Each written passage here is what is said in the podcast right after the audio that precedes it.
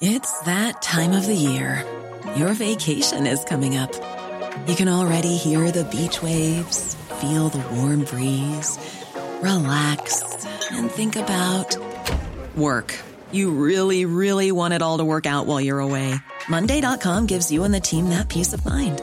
When all work is on one platform and everyone's in sync, things just flow wherever you are. Tap the banner to go to Monday.com.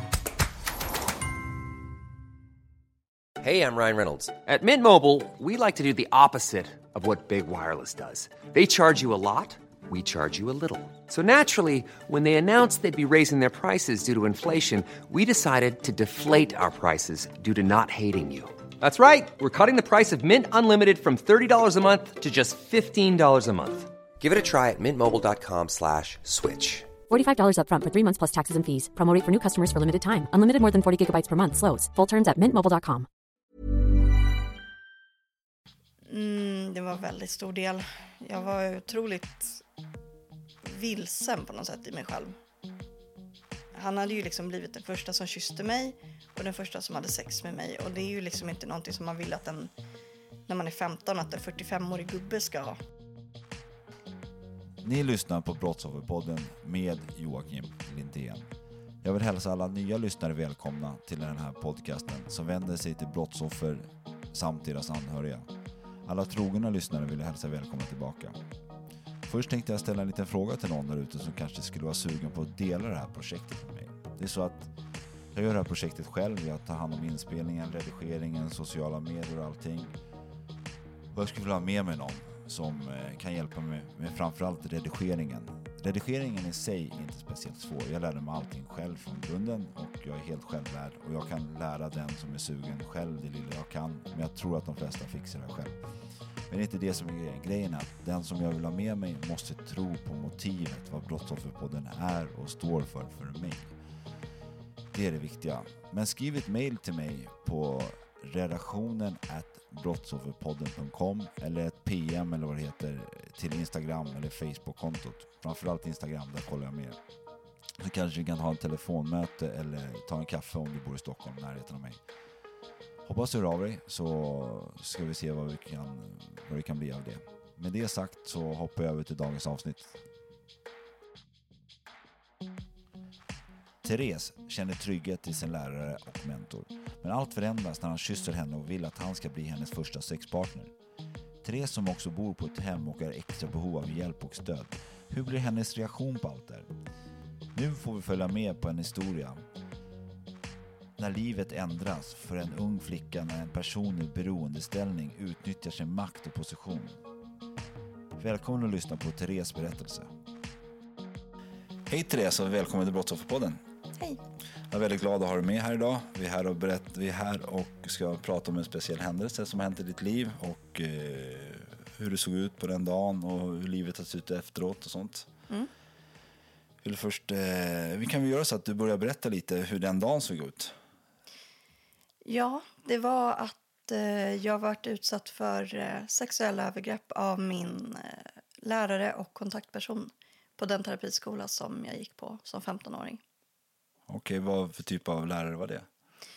Eh, han var lärare i träslöjd, teknik och gymnastik. Okej. Vad var det som hände om jag frågar mer? Inte exakt, men mer ungefär. Eh, det var att han... Eh, det hela skedde ju liksom precis efter skolavslutningen. Eh, då var det att han och jag hade varit på förbiträning då jag led av väldigt svår panikångest som han försökte hjälpa mig att bli fri från så att säga. Och då kysste han mig helt oväntat när han körde mig i bilen så att det var väldigt skumt var det. Hade du någon sån känsla innan han kysste dig att, typ, att den här läraren var intresserad av dig? Eller var det, Nej, kom det som en chock bara? det kom som en chock. Vad tänkte du när han kysste dig då? Eh, jag blev ganska så chockad och rädd på samma gång för han var ju så mycket äldre också. Vad hände strax efter? Sa han någonting? Eller kysste han dig? Sen var det bara, hände inget mer? Nej, han kysste mig och så sa han att jag jättegärna fick kyssa tillbaka, vilket jag inte gjorde för att jag varit så chockad. Och så sa han att han väldigt gärna ville bli min första. Okej. Ville bli den första. eh, och hur reagerade du på det? Eh, som sagt fick jag en enorm chock för jag såg inte honom på det sättet. Jag såg honom som en vän och som en ja, manlig förebild. Liksom. Vad hände? Släppte han ur dig i bilen eller? Eh, ja, när jag inte svarade så var det som att han suckade och så körde vi vidare så släppte han av mig hos mina föräldrar och sa att forbiträningen hade gått jättebra. Okej. Och sa du någonting till dina föräldrar? Nej, alltså jag visste inte vad jag skulle säga. Hur träffade han efteråt?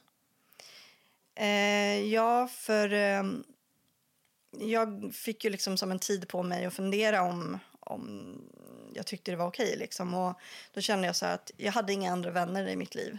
Och då kände jag att ja, men då kan han lika gärna bli min första. Så sen är det över så kan vi vara vänner som vanligt igen. Liksom. Hur lång tid tog det innan han släppte av dig i bilen och du träffade han igen? Det var ungefär en vecka senare. Okej. Blev, blev han din första då? Ja, han... Eh, jag sa att det var okej och sen så, så blev det som det blev. Men det var väl inte direkt, eh, vad ska man säga, ömsesidigt. Var det ju inte. Men brukar han ha våld mot dig? Ja, han höll fast mig så att jag försökte liksom visa att jag inte var riktigt så intresserad av det hela som han. Och det var ju otroligt smärtsamt så att ehm, eh, han tog inte riktigt mina signaler utan han var liksom så inne i sitt på något sätt. Att, Vad hände efter det då? Eh, ja, han, eh, när han var färdig med sitt så tog han på sig sina kläder typ och sa att jag måste typ gå därifrån för att han har andra saker att göra. Hur fick han dig att känna då? Helt värdelös. Som att... ja, vad ska man säga? Som att jag inte hade någon som helst betydelse överhuvudtaget. Och jag förstod inte riktigt det där, för jag visste ju inte hur sånt funkar. Alltså jag hade ingen erfarenhet sen tidigare. Var var ni någonstans? Vi var i hans lägenhet på Södermalm. Okej. Var vi. Gick det hem? Ja, eller jag gick till behandlingshemmet som jag gick på dagarna, på dagarna då. Som jag började efter den här terapiskolan så att säga. Okej, berättade du för dem? Inte då gjorde jag inte. Inte vid det tillfället. Fortsatte du träffa den här läraren? Eh, Ja, vi hade fobiträning ungefär en, två gånger i veckan som även var eh, betalt och av SOS så att säga. Att han skulle hjälpa mig med fobiträning. Så att vi sågs väl en, två gånger i veckan och under den tiden fortsatte det. Det var du och han då? Ja, precis. I åtta månaders tid så fortsatte han att utnyttja mig varje gång jag var där. Kändes det lite som att det var ett krav? För att, eller hur, hur kände det innan du gick hem till han? Hur var det så att du förstod att det skulle hända? Hur kände du då? Jag hoppades varenda gång att det inte skulle hända. Att det skulle ha varit sista gången innan. Så att jag eh, trodde ju på något sätt att vi skulle vara vänner som innan och köra forbiträningen och allting skulle gå bra.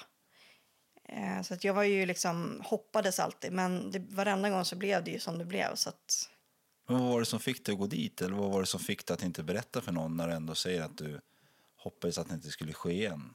Hur var dina tankar kring det där? det var väl mer rädsla. För att han hade liksom varit den enda personen jag kände mig trygg med under så lång tid. Även i terapiskolan. Jag hade ju anförtrott allt till honom. Så eh, det kändes som att eh, jag var livrädd att förlora den enda vännen jag hade. Pratade ni någonting om de här händelserna? Nej, det existerade inte. Existerar inte.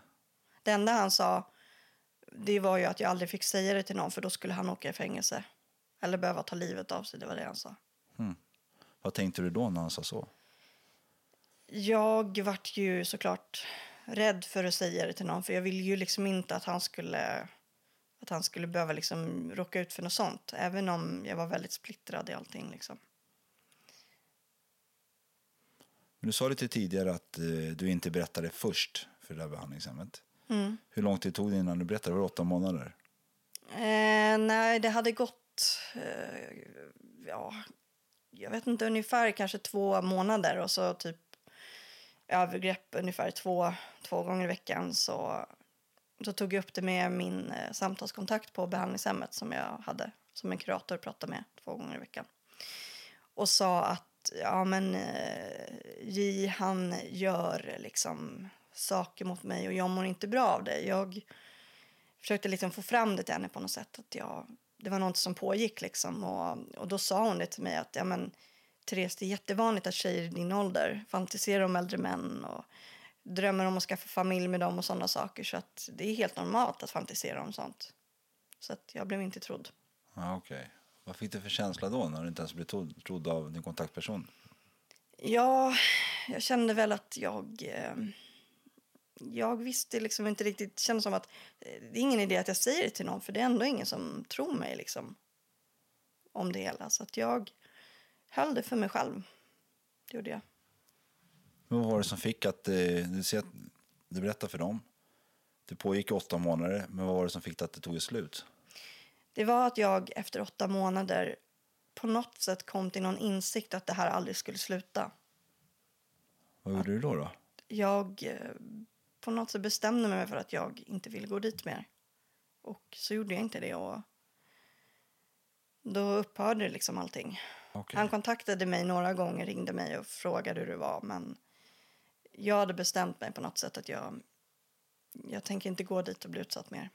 Sa du till honom varför du inte gick dit? Nej, det sa jag inte utan jag bara slutade. Var han orolig att du skulle berätta för någon? Mm, Ja, jag fick veta det senare för att jag sökte ju upp honom ett antal år senare. Okej. Varför sökte du upp han då?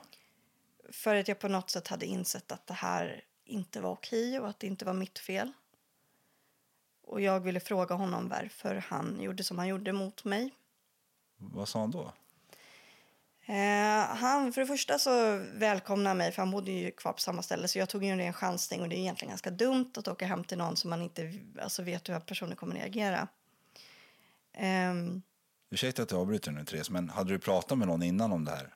Hur långt efter händelsen var det här? Eller händelserna var det här? Det var faktiskt eh, när jag var i 22-årsåldern var det. Som jag Så cirka sju år? Ja. Och då åkte jag dit och kände att jag måste konfrontera honom för jag måste få svar på varför. Ehm, för det var så mycket som hände under det liksom, som jag behövde få svar på. Och han, sa, han släppte in mig och sa att han har funderat mycket på mig och hur det har varit i mitt liv och så vidare och tänkt på mig. Och så sa han att men, vi gjorde ett misstag. Vi gjorde ett misstag, sa han. Vi gjorde ett misstag, sa han. Hur kändes det att han sa så? jag fick på något sätt nog då. Det var liksom som att det var det som fick mig att bestämma att jag måste polisanmäla honom för det här. Gjorde du det? Ja. Ringde du polisen? Hur tog de det hela?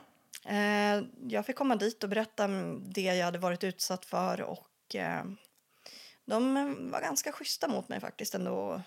Alltså stöttande när jag berättade. Eh, men sen tog det ju tre år innan det kom upp i rätten. Okej. Men ändå sju år efter händelserna, Mm. tills du polisanmälde det, Ja. blev det jobbigt för polisen att göra en utredning?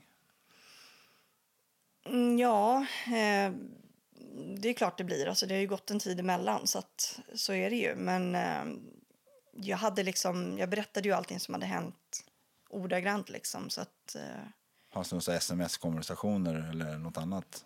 Nej, på, meddelande på telefonsvarare och sen så fanns det även vittnesmål från... Eh, eh, min pappa hade avlyssnat ett samtal en gång när han ringde mejläraren. Okej. Och han hade sagt att jag skulle ta av mig kläderna och ställa mig framför fönstret naken. Hmm. Och min pappa blev rasande förbannad och åkte dit och hotade honom och sa att oavsett vad det här är så ja, ger du fan i min dotter. Typ. Eh, men sen var det ju så att min pappa sa ju till mig att jag vill inte att du träffar honom mer, jag vill inte att du åker dit. Alltså det, det är någonting fel på honom. Och jag, dum som jag var, åkte dit i alla fall. Fortsatte liksom. Men jag, jag insåg ju till slut att han kommer aldrig sluta ha sex med mig. Han kommer aldrig sluta göra det han vill göra. Utan det, det kommer liksom fortsätta om inte jag, jag själv tar mig ur det. Jag tänkte vi kan ju hoppa till eh, rättegången lite senare. Vi kan ju, om vi går tillbaks till tiden strax efter du bestämmer att nu får det vara nog. Jag måste bryta mig loss från den här läraren. Hur, hur är ditt mående då?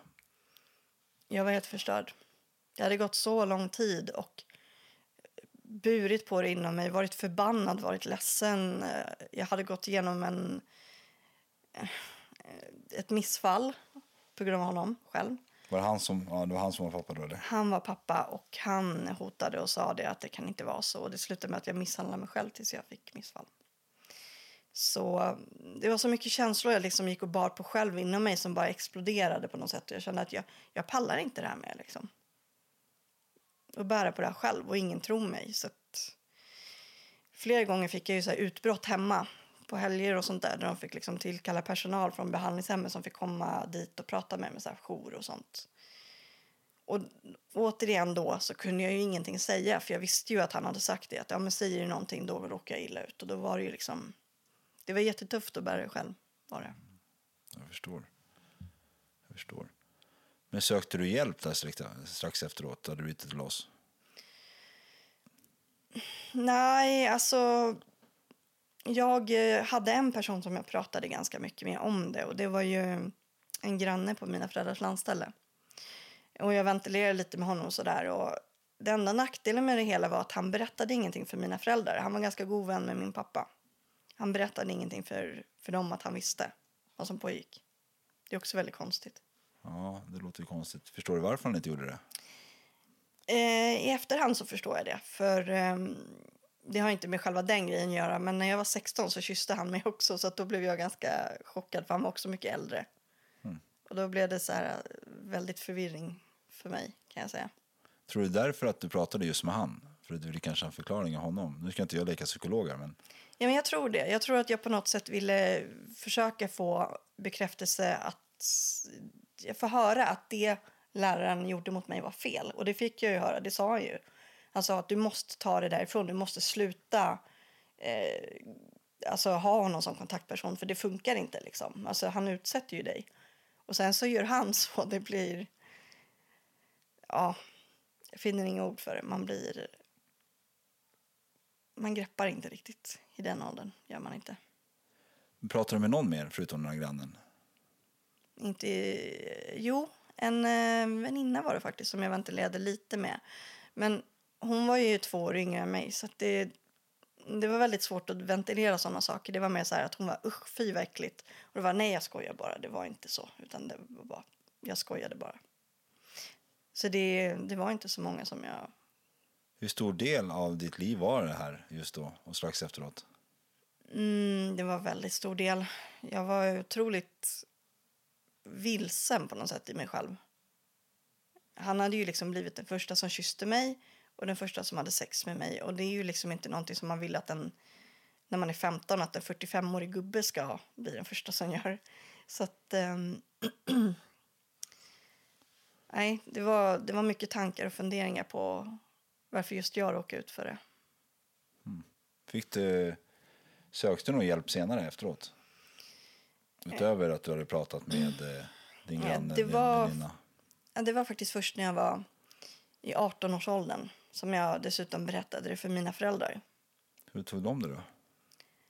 Ja, de, de blev ledsna först. Alltså mer så här typ att de misstänkte ju vid något tillfälle att någonting var väldigt fel. Det var ju vi, jag kan lägga till det, det var vid en sekvens när han var med på mina föräldrars landställe. Och det var bara jag och min mamma och mina syskon där.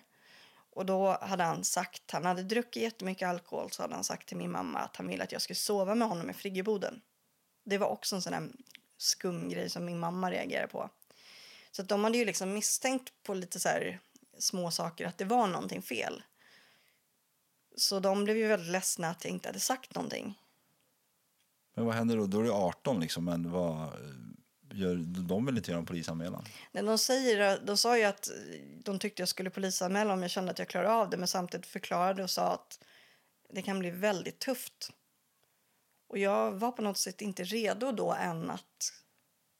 Ja, eh, jag hade inte kommit så långt i mig själv att jag kände att det inte var mitt fel. förstår du? Så jag kände liksom att eh, jag får skylla mig själv på något sätt och då var jag inte redo att anmäla liksom.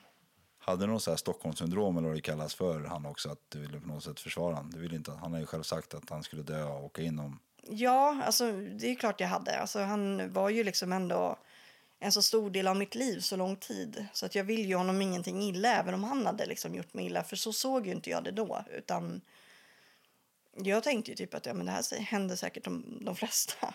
Alltså det var inget mer än så. Och, um, däremot så kände jag ju att jag mådde fruktansvärt dåligt av det. Och um, det var ju först efter jag berättade för mina föräldrar som jag ändå ja, kunde liksom börja ventilera och prata mer om det med psykolog och sådana saker. Och börja liksom ventilera. Och ju mer jag vände och vred på det så insåg jag ju till slut att, ja, att det inte var mitt fel. När du väl hade berättat det här för dina föräldrar och pratat med psykolog, fanns det någon hjälp för folk i din situation att få? Erbjuds det en hjälp som, som är, eh, vad ska man säga, som är hjälplig? Nej, inte då. Inte då? Nej, nej, då fanns det inte någonting sånt speciellt utan då var det vanliga så här, psykologsamtal där du kunde liksom ventilera. Eh, så det var ju liksom inget alltså specifikt på det var det ju inte. Okej. Ingen så här brottsofferjouren eller kvinnojouren? Ingen... Nej, jag fick kontakt med brottsofferjouren eh, i samband med när rättegången blev, men inte innan dess. Okej. Och jag önskar att jag hade vetat om det innan, för därifrån fick jag otroligt stöd. Okej. Intressant, det kan vi komma till senare också. Absolut. Efter allt som har hänt, hur går Therese vidare? Hur börjar hon se på och vilket värde börjar hon sätta på sin kropp? Går det att anmäla sin förövare många år senare? Och hur reagerar en trasig själ på att bli älskad av en sund kille? Men vad händer i livet efter det här då? Då berättade du runt 18 år och eh, du har berättat för dina föräldrar, du får lite hjälp, du erbjuds samtal i alla fall som inte hjälper så jättemycket. Hur går livet vidare för dig? Väldigt komplicerat, väldigt konstiga förhållanden till killar rent allmänt. Jag, eh, jag kan ju lägga till att jag eh, som 17-åring hamnade i prostitution på grund av det här. Via en killkompis som erbjöd mig pengar mot sex. Så det har varit en väldigt negativ biverkning av det hela. Jag förstår. Var det till en kompisen bara eller blev det att det blev större, att du började sälja det typ? Eh, Först var det till honom och sen så vart det mer, alltså typ av kontakter och sånt. Det, jag hade på något sätt lärt mig i samband med det med läraren då, så hade jag lärt mig att stänga av mig själv. Alltså när, under själva grejerna. Så att då kände jag liksom att jag kunde använda mig av den saken för att kunna tjäna pengar. Och då var det liksom som att det kändes som att det var, inte var så stor grej. Eh, tyckte jag då i alla fall. Minns du hur du kände när du var typ klar eller typ när de här kunderna, vad man ska kalla dem, gick? Ja. Jag minns precis hur jag kände när min eh, kompis då eh, hade köpt av mig. Eh, det var liksom... Det kom som en så här skam efteråt ungefär. Att det liksom... Det var direkt så här att de pengarna jag fick, de var liksom ingenting värda. För det var smutsiga pengar. Det var liksom pengar jag hade fått för något jag ändå inte ville göra egentligen. Liksom. Så ja, men det var skam. Det påminde lite om samma skam som, som jag upplevde efter det här med läraren också. Men ändå fick du idén sen att du skulle fortsätta med det här. Jag tror att det blir så. I mitt fall så tror jag att mycket bidrog till att jag eh, som 19-åring fick eh, veta liksom att jag, jag klarade inte av att jobba på grund av panikångest och migrän och så. Eh, så jag blev sjukpensionär som 19-åring. Och eh, då fick jag lite panik tror jag i mig själv. Att jag kände att nej men gud, jag måste ju liksom kunna tjäna pengar på något sätt. Det här går ju inte. Så att då blev det som att jag kände att ja, men det här är lättförtjänta pengar ändå. För hur lång tid var det innan den här kompisen, om man nu ska kalla det en kompis, eh, köper sexuella tjänster av dig tills du säljer sexuella tjänster nästa gång? Hur lång tid är det emellan, mellan dem? Det var inte så lång tid efter faktiskt. Det var, jag var ganska aktiv på sådana här chatter på eh, Aftonbladet bland annat. Och även eh, den här passagen som fanns förut. Och där blev man kontaktad av män som ville liksom köpa. Och till slut så tänkte jag att ja, men jag, jag gör det. De från ingenstans kontaktar random tjejer och vill köpa. Precis. På Aftonbladets chatt. Aftonbladets chatt, ja.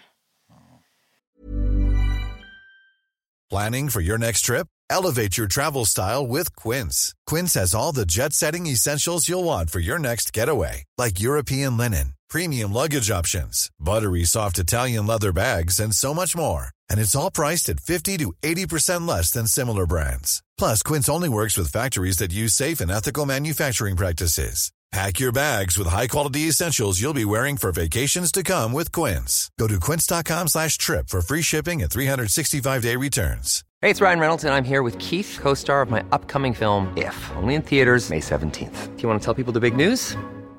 All right, I'll do. it. Sign up now and you'll get unlimited for $15 a month in six months of Paramount Plus Essential Plan on us. Mintmobile.com slash switch. Upfront payment of $45 equivalent to $15 per month. Unlimited over 40 gigabytes per month. Face lower speeds. Videos at 480p. Active Mint customers by 531.24 get six months of Paramount Plus Essential Plan. Auto renews after six months. Offer ends May 31st, 2024. Separate Paramount Plus registration required. Terms and conditions apply if rated PG. Slutet på 90-talet, början på 2000-talet typ. Okej. Okay. Så Aftonbladet chatt, alltså random män. Vad för typ av män är det? Det var män i alla åldrar som frågade om man ville ses mot en slant. Typ. Det var så de uttryckte sig. Liksom att, ja, men, har du några bilder? Du ser fräsch ut. Typ. För då hade du ju typ bara på chatten en liten bild liksom, på dig själv. Eh, och då var det liksom att jag tror jag fick säkert så fort jag loggade in så fick jag 10-20 privata meddelanden från främmande liksom, män som frågade om man ville ses. Liksom. När du säger random men menar du så här, det är vanliga Svensson om man får säga, Ja. använda det uttrycket? Ja, men precis. Jag träffade en strax därefter som hämtade upp mig i sin bil eh, i Stockholm. Och eh, Han hade en eh, småbarnsbilstol i sin bil. Så jag förstod ju direkt att eh, det här är ju en småbarnsförälder. Tänkte du något speciellt på det då? Eller bara, bara du bara hade stängt av? Nej, jag, jag tyckte faktiskt det var lite obehagligt. För jag kände så här att det här är ändå någon som ska vara förebild för en annan person och gör så här i familjens bil. Det var lite svårt för mig att förstå. För det var också i samband med när jag var i 17-årsåldern liksom. När du säger familjens bil, var det bilar det hände? Ja, det var det. Förstår. Hur länge pågick det här? Ehm, det pågick lite till och från fram tills jag var i vad blir 21-årsåldern. Eh, då träffade jag mina barns pappa. Och då var jag ganska djupt inne i, i prostitutionen och han på något sätt ville... Ja, han såg hur trasig jag var och ville att eh, jag skulle inse att jag hade ett värde och inte behövde hålla på med det här. Hur mådde du då mentalt? Inte bra. Jag drack ju typ alkohol nästan varje dag, alltså vodka och sådana saker. Blandade med tabletter, för jag hade antidepressiva som jag blandade med då. Eh, Och det var ju mer för att kunna klara av allting som man ändå stäng, försökte stänga av. Eh, Så jag var väldigt mycket på botten när jag träffade honom. Jag var, jag var ju, jag gjorde ett försök att ta livet av mig där också vid, vid den vevan, vid 20-årsåldern. Gjorde jag.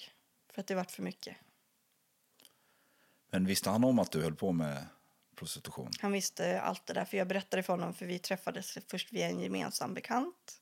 Och då berättade jag liksom att, att jag var inne i det och vi vart vänner först och sen så försökte jag ta en överdos, hamnade på sjukhuset och han åkte in dit och sa att han började gråta praktiskt taget vid sidan av och sa att har du inte fattat att jag älskar dig, att jag bryr mig så mycket om dig, jag vill hjälpa dig ur det här liksom. Hur kände du då när den här personen säger så till dig? helt oförståeligt med tanke på att jag inte hade någon eget... Jag kände inte att jag hade något värde så jag kunde liksom inte förstå det.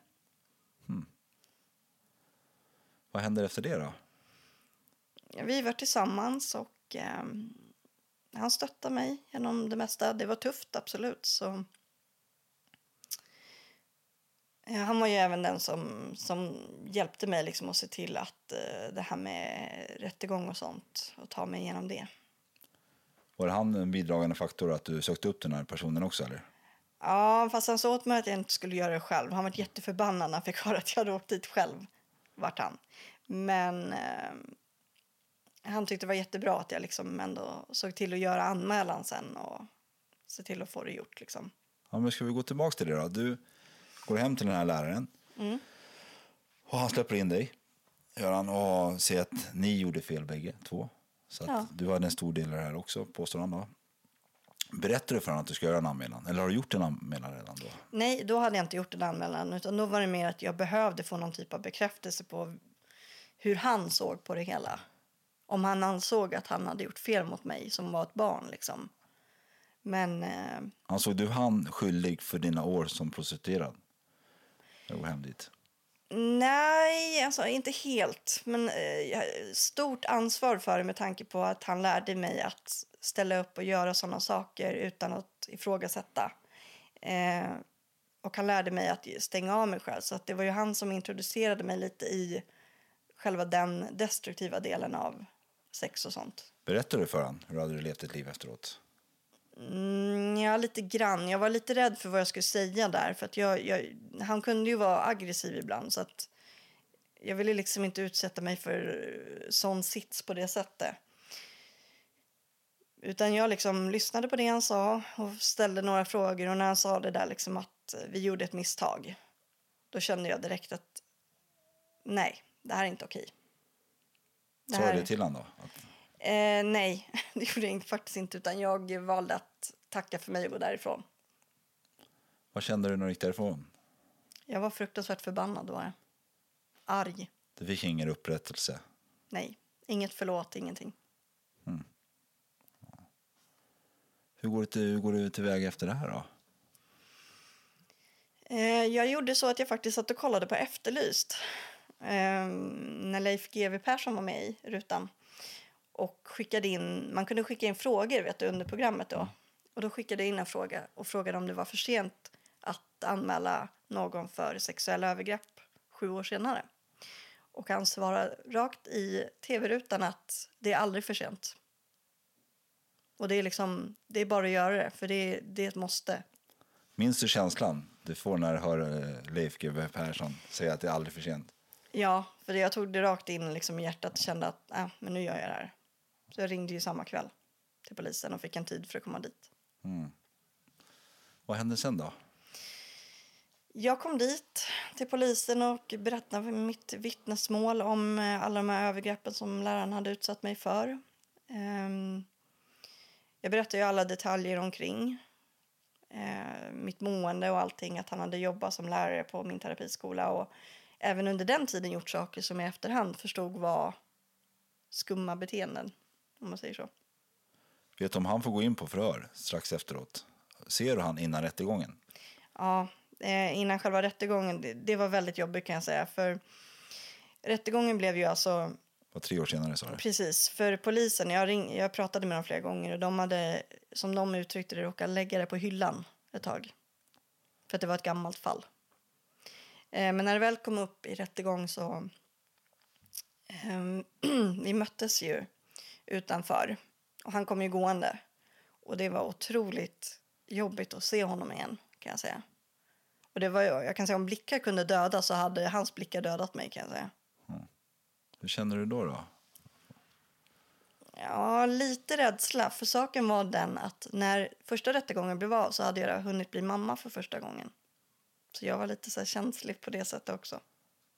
Hmm. Känner du något mer så försvar inför, jag vet inte om du har son eller dotter, men för ditt barn? Jag har två döttrar. Två döttrar. Känner du någon så här försvarsinriktad? Japp. Det, det gjorde jag verkligen och, eh, och gör alltså, som förälder.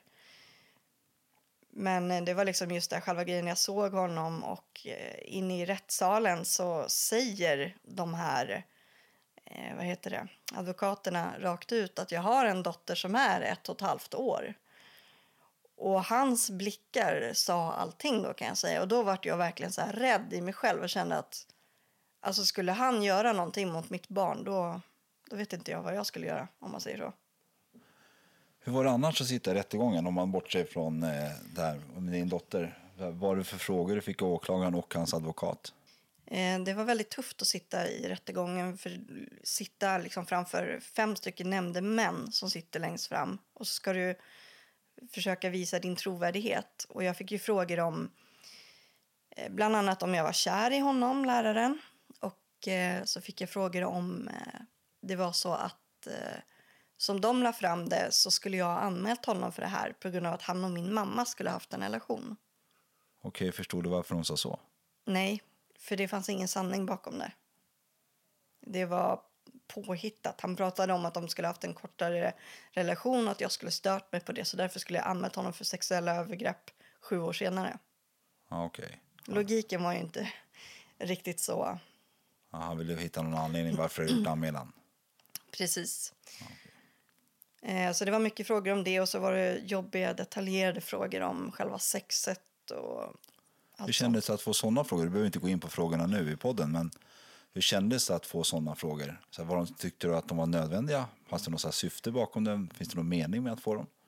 Jag förstår att de måste ställa sådana frågor, absolut. För då förstår de ju liksom mer om en sak har hänt beroende på hur du säger saker. För det handlar ju om ord mot ord i det här och då blir det ju liksom att det hänger på trovärdigheten.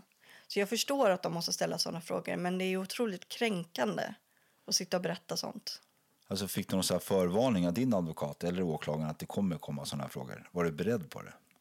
Ja, alltså, man kan nog aldrig vara riktigt beredd på sådana där frågor faktiskt. Alltså, det, det är klart man förstår att man kommer få frågor om själva det som har hänt men inte så detaljerat som det var. För det var ju verkligen, ja, men som exempel kan jag ta, det var ju frågan så här, var det frågan om penetrering eller, och det var det så här, ja, jag kan säga det var tur att jag hade tagit några lugnande innan jag var inne på den där rättegången för det var riktigt, det var obehagligt var det. Jag förstår. Det förstår jag verkligen. Hur länge fick du sitta i rättegången? Eh, Det var från eh, nio på morgonen till fyra på eftermiddagen. Vad händer efter det? Får, får du gå? Blir han släppt eller blir han tagen? Han blev släppt. Har du släppt? Vad tänkte du kring det? Eh, Det kändes väl lite så här... eh, Jag förstod att han skulle bli släppt tills domen offentliggjordes. Och eh, det är klart att det kändes jobbigt eh, att veta att han liksom gick fritt där ute. Liksom. Och sen när domen kom så blev han ju dömd. Eh, men i och med att de överklagade till eh, hovrätten så blev han ju frisläppt tills dess. Ja, okej. Så du fick sitta i en ny rättegång? Hur lång tid tog det innan det var i hovrätten? Det var ett år efter. Ett år? Ja, ett helt år var det. Var du orolig under det här året? Ja, jag var rädd att han skulle dyka upp. Och sen, det som jag tyckte var obehagligt var att han fortfarande jobbade med barn och ungdomar under den här tiden. På en det. skola i Stockholm. Ja, domen har inte lagat träda kraft eller vad det heter. Nej, precis.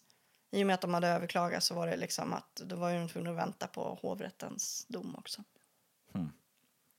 Vad hände på hovrätten då? Ja, det var ungefär liknande frågor och jag fick ju berätta allting igen. Och de påstod ju återigen att det skulle vara på grund av att han skulle haft en relation med min mamma. Fast nu var det ju en längre relation i det här vittnesmålet från hans sida. Ehm, så det, han visade ju sig mer och mer icke trovärdig i det han sa. Ehm, men det var ungefär likadant som innan. Var du mer förberedd nu på frågorna? Kändes det lugnare? Nej, Det var samma grej? Ja, det, det är lika jobbigt varje gång att ta upp sådana där saker för det är så pass, eh, vad säger man, privata saker att prata om. Men eh, jag visste att det var bara att stå ut liksom, för de spelade ju in också så att de hade ju mitt vittnesmål kvar från tingsrätten. Men blev han dömd igen? Han blev dömd. Han blev dömd till eh, tio månaders fängelse Mm. Hur kändes det? för grovt sexuellt utnyttjande av minderårig i beroendeställning. Hur kände, tyckte du att du fick någon slags upprättelse? Både ja och nej. För jag tycker ju straffet var...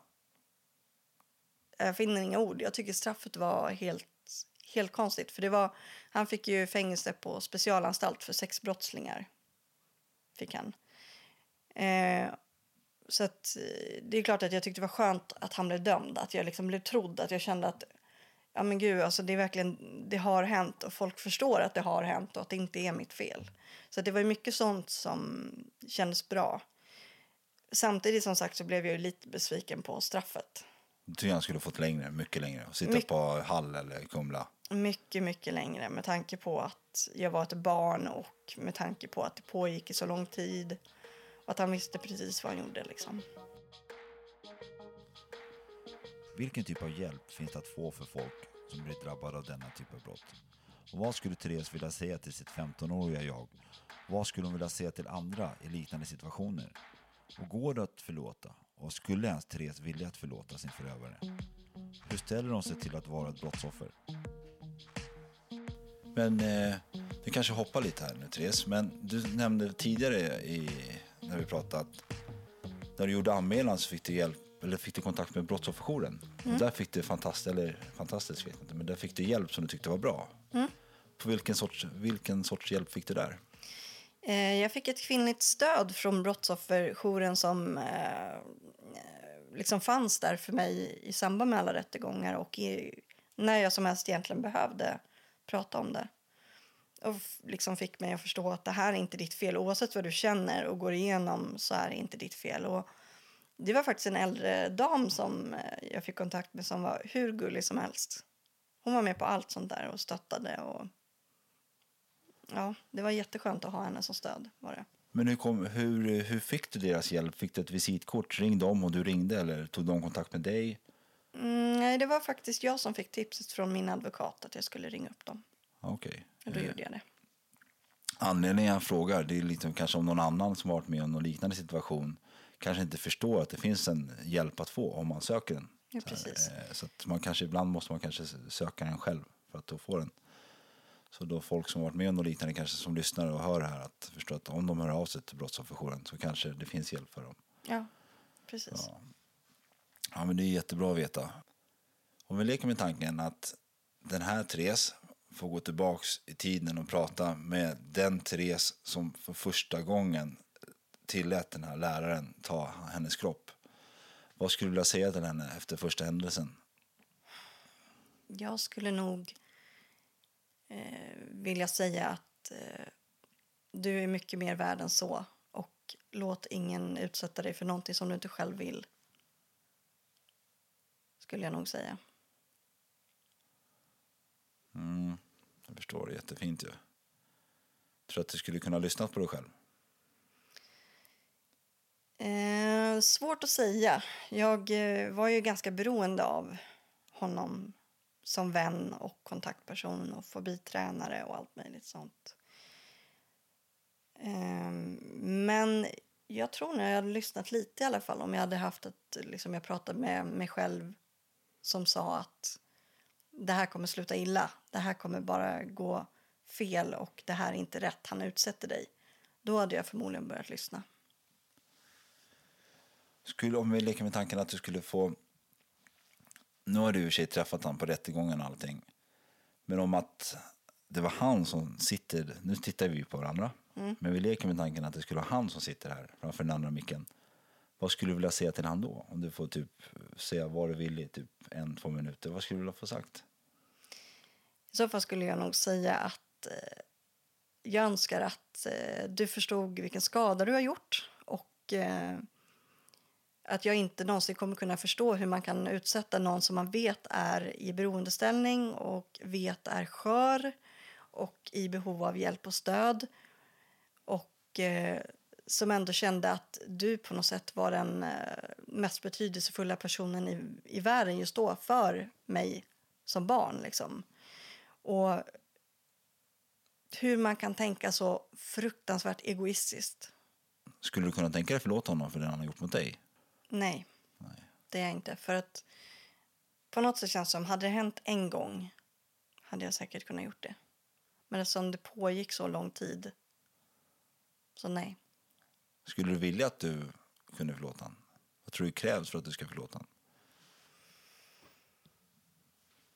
Jag vet inte faktiskt, det är en svår fråga. Det är... Det är ju klart att man skulle vilja att han liksom hade värsta ångesten över det han hade gjort och verkligen kunde be om förlåtelse på riktigt. Men jag vet, alltså det skulle ju ändå aldrig ta bort den smärtan jag har i mig. Och det skulle ju inte göra det ogjort heller.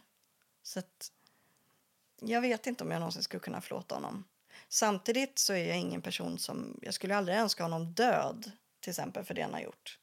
För jag funkar inte så. Men vi ser, om vi typ... Han, vi ser att han inte ens ber om förlåtelse. Men du känner nu det här varit för mycket för mig. Så här, jag förlåter dig, jag går vidare. Så här. Jag menar någon sån där slags förlåtelse. Tror du att det skulle vara möjligt? Nej, tyvärr. Det satt för djupa spår liksom i mig, så det, det går inte att förlåta någonting sånt.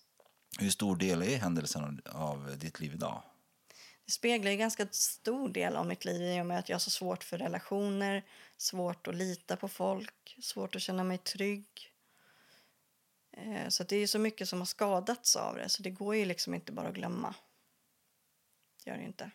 Ja, alltså när man typ pratar med människor och speciellt folk som har blivit utsatta. De vittnar ju oftast att de har blivit känner stor skam och skuld. Hur, hur, känner, hur känner du till de två orden, skam och skuld? Ja, alltså på något sätt, även om man inser i, alltså ska man säga, i huvudet som vuxen att det inte är ens fel när man är ett barn som utsätts så är det klart att man liksom har känner skuld i sig själv och tänker att ja, men om jag om jag kanske hade sagt ifrån mer och visat mer att jag inte ville så kanske liksom hade blivit annorlunda. Om vi pratar ordet brottsoffer, det är ett starkt ord. Så här, hur ser du kring det? För du är uppenbarligen ett, ett brottsoffer kring det här. Hur ser du kring det? Jag försöker vända det till något positivt. Jag försöker att... Eh, jag har ju skrivit en hel del om min erfarenhet och sånt där. Och jag eh, försöker liksom vända det till att eh, jag kan inte ta bort det som jag har varit utsatt för. Och det är det här med brottsoffer. Men jag kan försöka hjälpa andra. Och stötta andra. Men jag tänker inte så mycket på att jag är ett brottsoffer på det sättet gör jag inte. Mm. Vad skulle du vilja säga till andra unga tjejer, eller unga personer, tjejer som killar, eh, som blir utsatta i 15 års ålder? Av någon person som står dem väldigt nära. Mm, ja, jag skulle nog säga att, att aldrig lägga alltså just det här skulden på en själv och att eh, så fort som möjligt försöka hitta någon att ventilera med oavsett om det är en kompis eller om det är någon annan vuxen i närheten för det är ofta svårt att vända sig till sina föräldrar. Så åtminstone ventilera med någon och prata med någon så att du får bekräftat att, att det inte är ens fel och att det liksom går att få hjälp och stöd. Det skulle jag säga. Mm. Rekommendera. Att söka hjälp och prata Precis. med någon. Men du försökte prata med någon, du blev inte trodd. Nej. Så, så att man ska prata med någon tills man känner att man blir hörd. Precis, kämpa på tills du hittar den personen som lyssnar och tar dig på allvar. Inte ge upp. Ja, men då är vi typ klara här, Therese. För jag tackar så jättemycket att du var med i dagens avsnitt. Tack så mycket. Du är en inspirerande människa och eh, jag hoppas att du och dina två barn kommer få en fantastisk eh, framtid. Tack. Så, tack. Therese har även en Instagram-sida som heter Mitt liv som trasdocka som jag rekommenderar alla att ta del och följa. Jag vill återigen tacka till Therese för sin medverkan här i Brottsofferpodden och tacka alla som har lyssnat. Följ oss gärna på Brottsofferpodden på Instagram och Facebook och eh, har även en hemsida. Maila mig gärna på redaktionen brottsofferpodden.com kring frågor och funderingar kring podcasten och eh, så hoppas jag att vi hörs snart igen. Ha en jättebra fortsatt dag och trevlig kväll eller var ni nu befinner er på dagen så hörs vi snart igen. Tack hej! Historia som berättas har satt sina spår. Finns ingen skam att känna. Men den känns ändå. Känn dig aldrig ensam Med minnen du bär på. Det är inte din skuld att bära. Jag hoppas du förstår, för skulden ligger hos den som begår. Hos den som begår.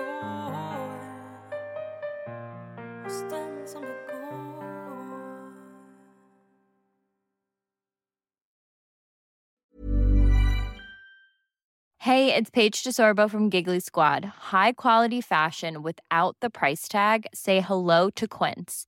I'm snagging high-end essentials like cozy cashmere sweaters, sleek leather jackets, fine jewelry, and so much more. With Quince being 50 to 80% less than similar brands. And they partner with factories that prioritize safe, ethical, and responsible manufacturing. I love that. Luxury quality within reach. Go to quince.com slash style to get free shipping and 365-day returns on your next order. quince.com slash style.